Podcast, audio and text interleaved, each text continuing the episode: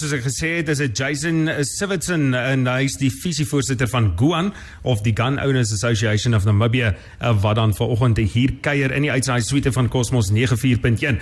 Gaan 'n bietjie Engels toe oorgaan. Jason, luckily uh, it won't I, I don't think it would be a problem because I've been speaking the language very deliciously since I were twice. So hopefully there's no problems. How are you this morning? Good, thank you very much. Jason, thank you so much for joining us. I should say from the Gun Owners Association of Namibia. Yeah, it's a big, big subject at this stage, talking about the new gun law. Now, basically, I think there's a lot of confusion regarding the gun law, especially we said it's a proposed gun law, and now I understand the 2nd of October, some of uh, some type of law went through. Maybe you can just clarify that for us. Well, the whole process has been going on for many years already. They've been wanting to amend the, the current Firearms Act. Um, we heard about it last year when we started uh, talking to uh, people in the government about it. Yeah. Um, according to them, they did all the consultations, but the consultations they did is all dating back to 2009 and before that. Uh, it went quiet after then, and it, we haven't heard anything s- till till late last year. Um, it was submitted on the 16th of March by the Deputy Minister of Safety and Security. Um, he submitted the wrong document to Parliament, so they had to do a lot of changes with uh, amendments to the document. That's why it took so long for them. And uh, we heard about it in July that it had been passed by the National Assembly and sent on to the National Council. Yeah. And that's when uh, it, we kicked off with the GOAN, the Gun Owners Association of Namibia. And uh, we submitted a document through the help of a deputy minister of the, uh, I think it's National Planning Commission, Piet van der Walt. Yeah. And uh, he sent the document on for us to the Speaker of the National Council, the Attorney General, Minister of Safety and Security, and a couple of other people. Um, and that was the Attorney General had a look at it and uh, and did some things on that. But uh, in October, we heard that uh, the Ministry of Safety and Security forced the bill through. Uh, the National Assembly, and officially it is gone through. We've checked the minutes of the uh, of the uh, session that they had on the second of uh, October, and it is now officially on the president's desk, waiting for signature. So, waiting for signature at the end of the day, uh, the, the, the, talking about the law, what is the proposed law or the law that went through now? What does it say? Well, there's there's a hell of a lot of changes in the in the proposed act. The the ones which, or let let's first say, GOAN or the Gun Owners Association of Namibia is not against the amendments to the law per se. There's a lot of good stuff in it, a lot of things that are necessary, but the the ones which we need to, or which we think we need to look at, um, is the competency certification that you have to do before you do a license. Yeah. Um, they've brought in ballistic testing of all firearms, that you have to send it to the forensic department here in Windhoek, and the guns have to be ballistically fingerprinted. The license renewals, which will be every five years. Um, so all current licenses they want to renew, and all future licenses will only be valid for five years. Um, and then there's a restriction on ammunition. So a normal person will have a restriction of 200 rounds of ammunition per license. Um, and then they're also going to have a caliber restriction on uh, the licenses you can have. They've left the four licenses per person uh, for a normal gun owner, but you are now restricted to only one uh, firearm per caliber. Yeah, very interesting. Uh, Jason, we're going to come back to this, let's say, discussion in a few moments. Jason, yeah, we have a lot of questions coming through WhatsApp and, uh, yeah, phone calls, everything. Uh, the Previously, we spoke about uh, the ballistic testing, also the competency, uh, com- competency tests. If you can help me there with the English word. That Competency. competency. There we have that uh, test as well. And uh, we have a question here from a guy that sent it through WhatsApp. He says he's an arms dealer in Walvis Bay and would like to know why or where the Namibian or, or where the Namibian Armed, Arms Dealers Association consulted. But that happened in two, 2009, like we said previously. That that consultation was done a long time ago. Yeah. Um, I know that spoke to a couple of the guys that were involved in that, and, and they got some assurances from uh, from the police and the, and the ministry about that. But uh, they've now gone and changed the provisions that they've put in, and they've ignored most of that. Uh, of those discussions, so it is from a long time ago, and they've they've Yeah. had it on the back burner for a long time, and now all of a sudden they they're, forcing pushing this law, forcing, forcing it through. The other questions, uh, I mean, you spoke off air about that as well, uh, talking about these competency tests and also the ballistic tests. Uh, yeah, at the end of the day, it, what will this imply? Well, let's just go through the, the ones that I. Uh I listed just now. The first one, or the, or the, big big one, is the ballistic testing of all firearms. Uh, what they want to do is they want to ballistically test each firearm and sort of get a fingerprint for it. Yeah. And they put this onto an international database. And if your gun is used in a crime, then they can see what. Uh, which firearm was used from the bullets that are left, the cases that are left behind, uh, that type of stuff. Um, unfortunately, it's a flawed technology. Uh, most of the international countries that use it, especially America, Canada, have stopped testing firearms and putting it on the database uh, because as you use a firearm, that ballistic fingerprint changes. Yeah. So over three or four years, say a gun gets stolen and gets used in a crime, they test the firearm or they, they do a test and try and see which firearm it came from or the bullets came from and they can't find anything because the ballistic fingerprint changes as you use a firearm and it's also very easy to change the, the ballistic characteristics of a gun um, manually by yourself how long will this ballistic testing take? I, I understand you did tests regarding this. Well, we were in discussions with uh, Dr. Ludik at the uh, forensics department. Um, and he indicated that it will take 22 months to test all the firearms that are currently licensed in the country. Um, the data is a bit sparse when it comes to how many there are, but there's just over 200,000 firearms licensed in the country. Um, one of our, or one of the, the, the, people in, in Namibia had to have a rifle tested was a requirement when he relicensed a firearm. And uh, the test, he handed his gun in at the forensics department. It took them five hours, two technicians to do the test. Uh, it took them almost 30 days to do the report, and he, his gun was there for almost two months. Um, and it cost him just short of 2,400 Namibian dollars to do the test. Yeah, that's uh, yeah. So I think the capacity at the end of the day is maybe not there. Well, I, that, that's the biggest problem with all of the provisions that they've brought in is, is the capacity of the police and the, the financial burden that's going to place on them one and on the shooting community two as, as well. The competency uh, competency tests as well. Uh, the question came in as well that uh, is the competency tests for only new appliers for gun licenses or for all the registered guns in Namibia at this stage?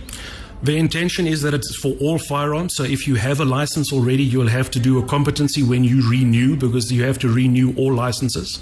Uh, like I said, there's just over 200,000 licensed firearms. Um, I think, or we, we think, there is still no understanding of what competency you're going to have to do. Mm-hmm. Um, so far, they've copied a lot of the laws from South Africa, so we're assuming they're copying the competency from South Africa as well.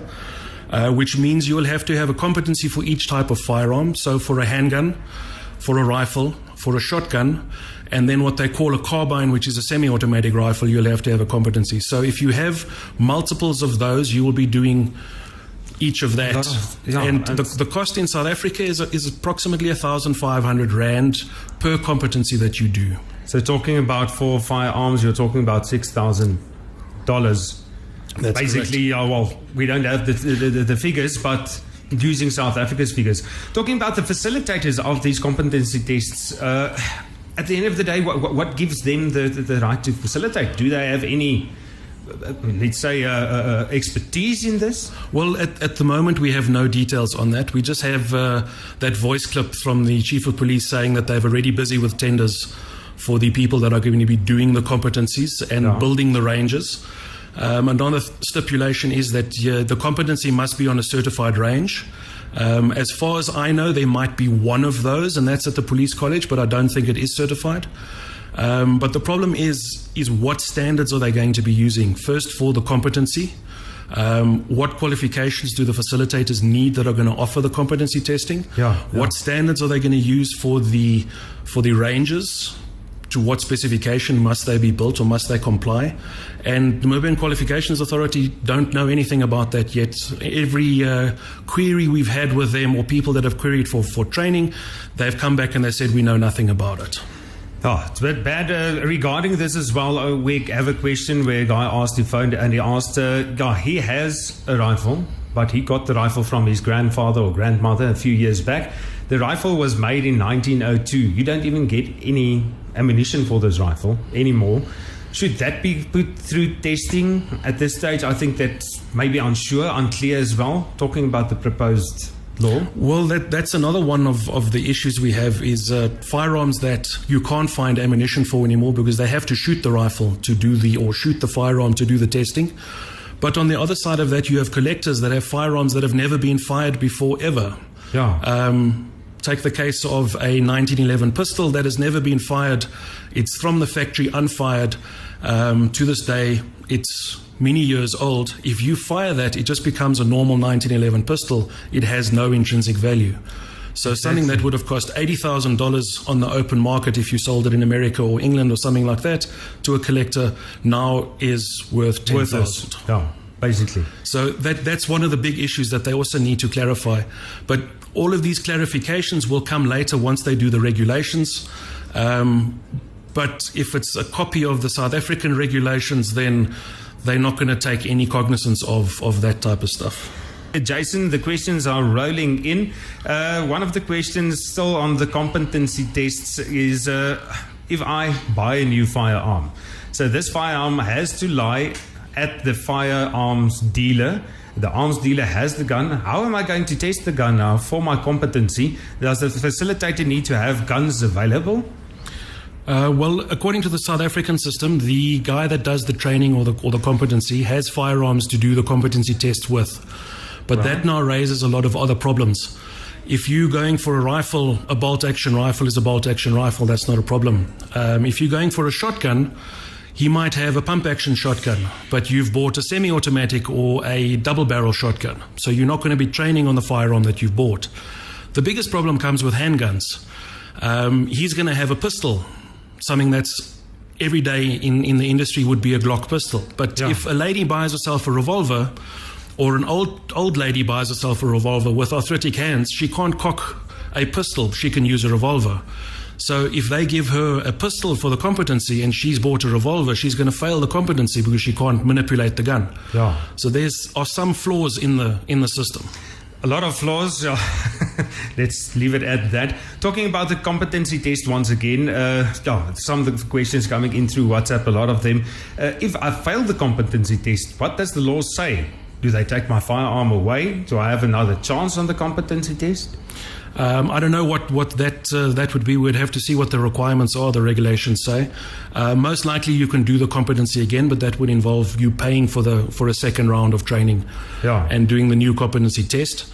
Um, so yes, we'll have to wait and see what the regulations say about that. Maybe from GOAN's side, what's the steps that you're going to follow now? What are we going to do now? This law went through the consultation process. Yeah, well, according to us, did not due process wasn't followed during the consultation. What is GOAN going to do now? Well, we submitted a document um, through uh, a, a, deputy minister, Piet van der Walt. He sent it on to the National Council, the Attorney General, the Minister of Safety and Security and Defence. Uh, that document comprises all our misgivings or the issues that we've pointed out with the requirements. Um, that document, with all the supporting documents, is almost 200 pages long. Okay. Um, we did a summary of that, which we also passed along to them for a meeting that we had with uh, with the deputy minister. Um, all of that was not looked at, uh, like I said, by the, the minister, ministries that it was sent to. Um, what we've done now is we've gotten in contact with the Office of the President and we've submitted all that documentation again with a letter asking the President please to intervene and uh, we'll made ourselves available for a meeting. Um, and we've received confirmation that they've received the documentation and they're looking at it. So at the moment, that's where we're sitting. We're also trying behind the scenes to try and uh, see what else we can do. Um, but I think in the end, what, what's going to happen is that we're going to have to fight most of these provisions or most of the things in the, in the law that can't work or that are going to cause a problem. We're going to have to fight in court afterwards. Maybe I can use this, uh, yeah, let's say, uh, time and ask you. Uh, what do you think we as gun owners, what should we do now regarding this law? Well, the first thing is don't panic. It's not yet law, it hasn't been gazetted. Um, once it gets gazetted, then uh, then we must need to start looking at, at uh, ways of, of combating it or ways of of trying to uh, change it, but I, that's going to be difficult. Like I said, the only way we're going to do anything after the law is passed is by going to uh, to court. and um, the, the first thing would, would be is, is to join an association like Owen. Um, it's we we're hoping that we can raise enough money that we can fight this and try and, and get some of the, the provisions changed. Yeah. Um, and yeah, that would be the, the easiest way of doing it is to is to join the Gun Owners Association and show your support. The more names we have behind us, uh, the more weight the organisation carries, and uh, the more impact we can have in trying to change anything. If you can try and create a timeline at the end of the day, let's say this law not proposed anymore. This law goes through. GOAN, from your side, you guys, you, you guys are going to try and fight it with uh, some of the proposals in this law. What's the time frame? How, how long will a process like this take? I really don't know. That's very difficult to say. I mean, in South Africa, they're still busy with court cases against the the previous Amendment Act, which they had in South Africa, which I think now is five years old. Yeah. Um, and it's still going on. And they've won some significant uh, court cases against the government uh, in South Africa with regards to, to the changes that they made in that Firearms Act.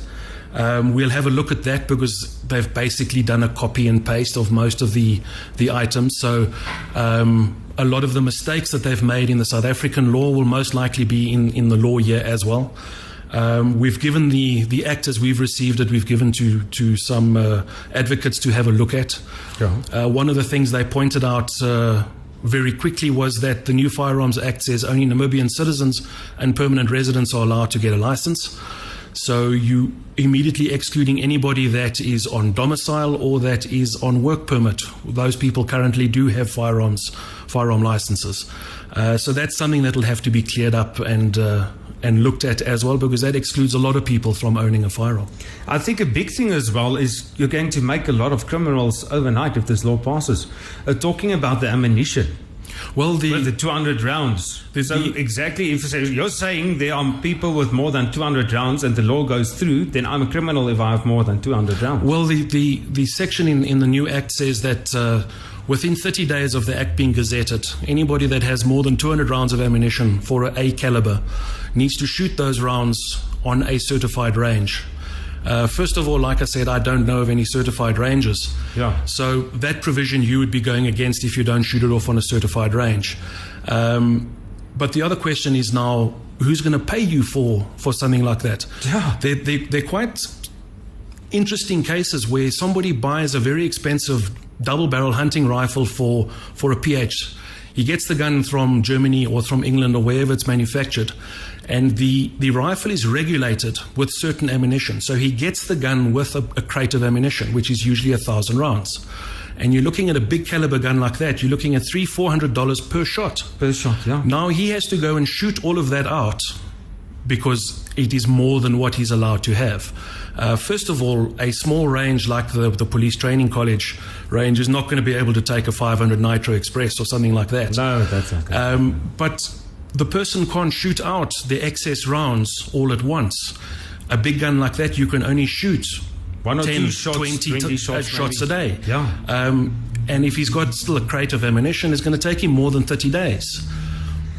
Quite interesting. Yeah, like we said previously with the competency, another question coming through. Uh, if you go to renew your license and you fail, we have no idea what's going to happen then. If they're going to take the firearms, most probably, according to South African law, you get another chance to go through the renew- renewal of the license.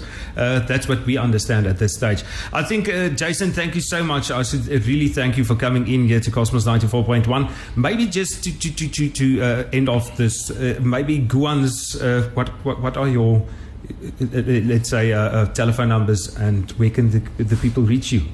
At the moment, we don't have any telephone numbers, uh, but you can look on Facebook under Gun Owners Association of Namibia. Uh, we also have a website, uh, which is goanamibia.org. There is a place where you can download the application form there as well. And uh, at the moment, that's the only two ways you can contact us. We're still busy sorting out our mailing list and running through and collating all the uh, application forms we've received. Uh, we're well over 400 applications already received, and we'll be sending out uh, information emails as soon as uh, we can get all of that sorted out, just to give people more information and confirm that they are members and things like that. Okay, that's fantastic. So uh, just give me that website again. That is www.goanamibia.org.